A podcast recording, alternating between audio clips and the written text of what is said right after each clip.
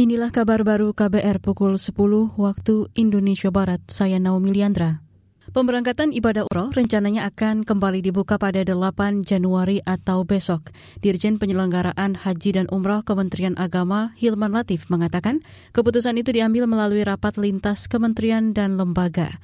Dalam rapat itu juga diputuskan soal penyelenggaraan umroh dilaksanakan dengan pengendalian dan pengawasan terhadap kepatuhan protokol kesehatan secara ketat, baik di tanah air maupun di Arab Saudi. Selain itu, penyelenggara perjalanan ibadah umroh PPIU juga wajib melaporkan keberangkatan jemaah melalui sistem komputerisasi pengelolaan terpadu umroh dan haji khusus atau Sisko Patuh.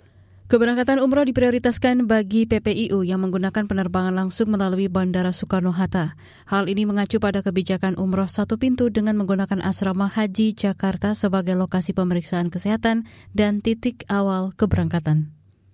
Kalangan DPR mendukung kebijakan Presiden Joko Widodo melarang sementara ekspor batu bara. Namun DPR memiliki catatan terkait dengan kebijakan tersebut yakni harus dibarengi perbaikan rantai pasok batu bara ke PLN.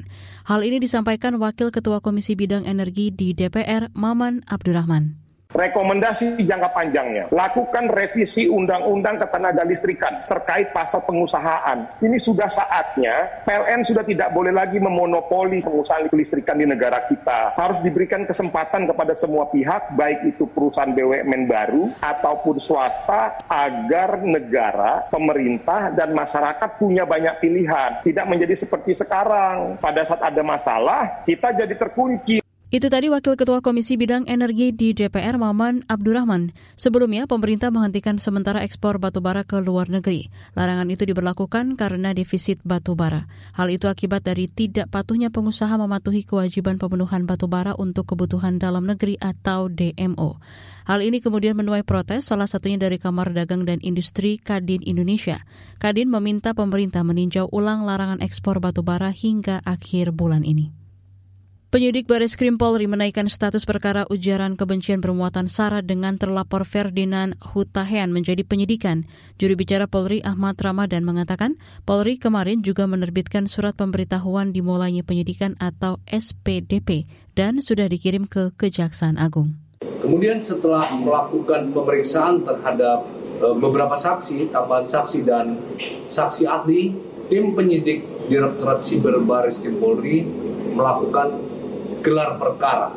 Hasil gelar perkara memutuskan menaikkan kasus dari penyelidikan menjadi penyidikan. Ramadan menjelaskan penyidik sudah memeriksa para saksi yang terdiri atas dua saksi umum dan lima saksi ahli. Lima saksi ahli yang dimintai keterangan yaitu saksi ahli bahasa, ahli sosiologi, ahli agama, ahli informasi dan transaksi elektronik ITE, dan ahli pidana. Nama Ferdinand Hutahian menjadi perbincangan usai mengunggah kalimat kontroversi yang diduga sebagai penistaan agama melalui akun Twitternya Ferdinand Hayan 3 pada 4 Januari lalu. Demikian kabar baru KBR. Saya Naomi Liandra, undur diri.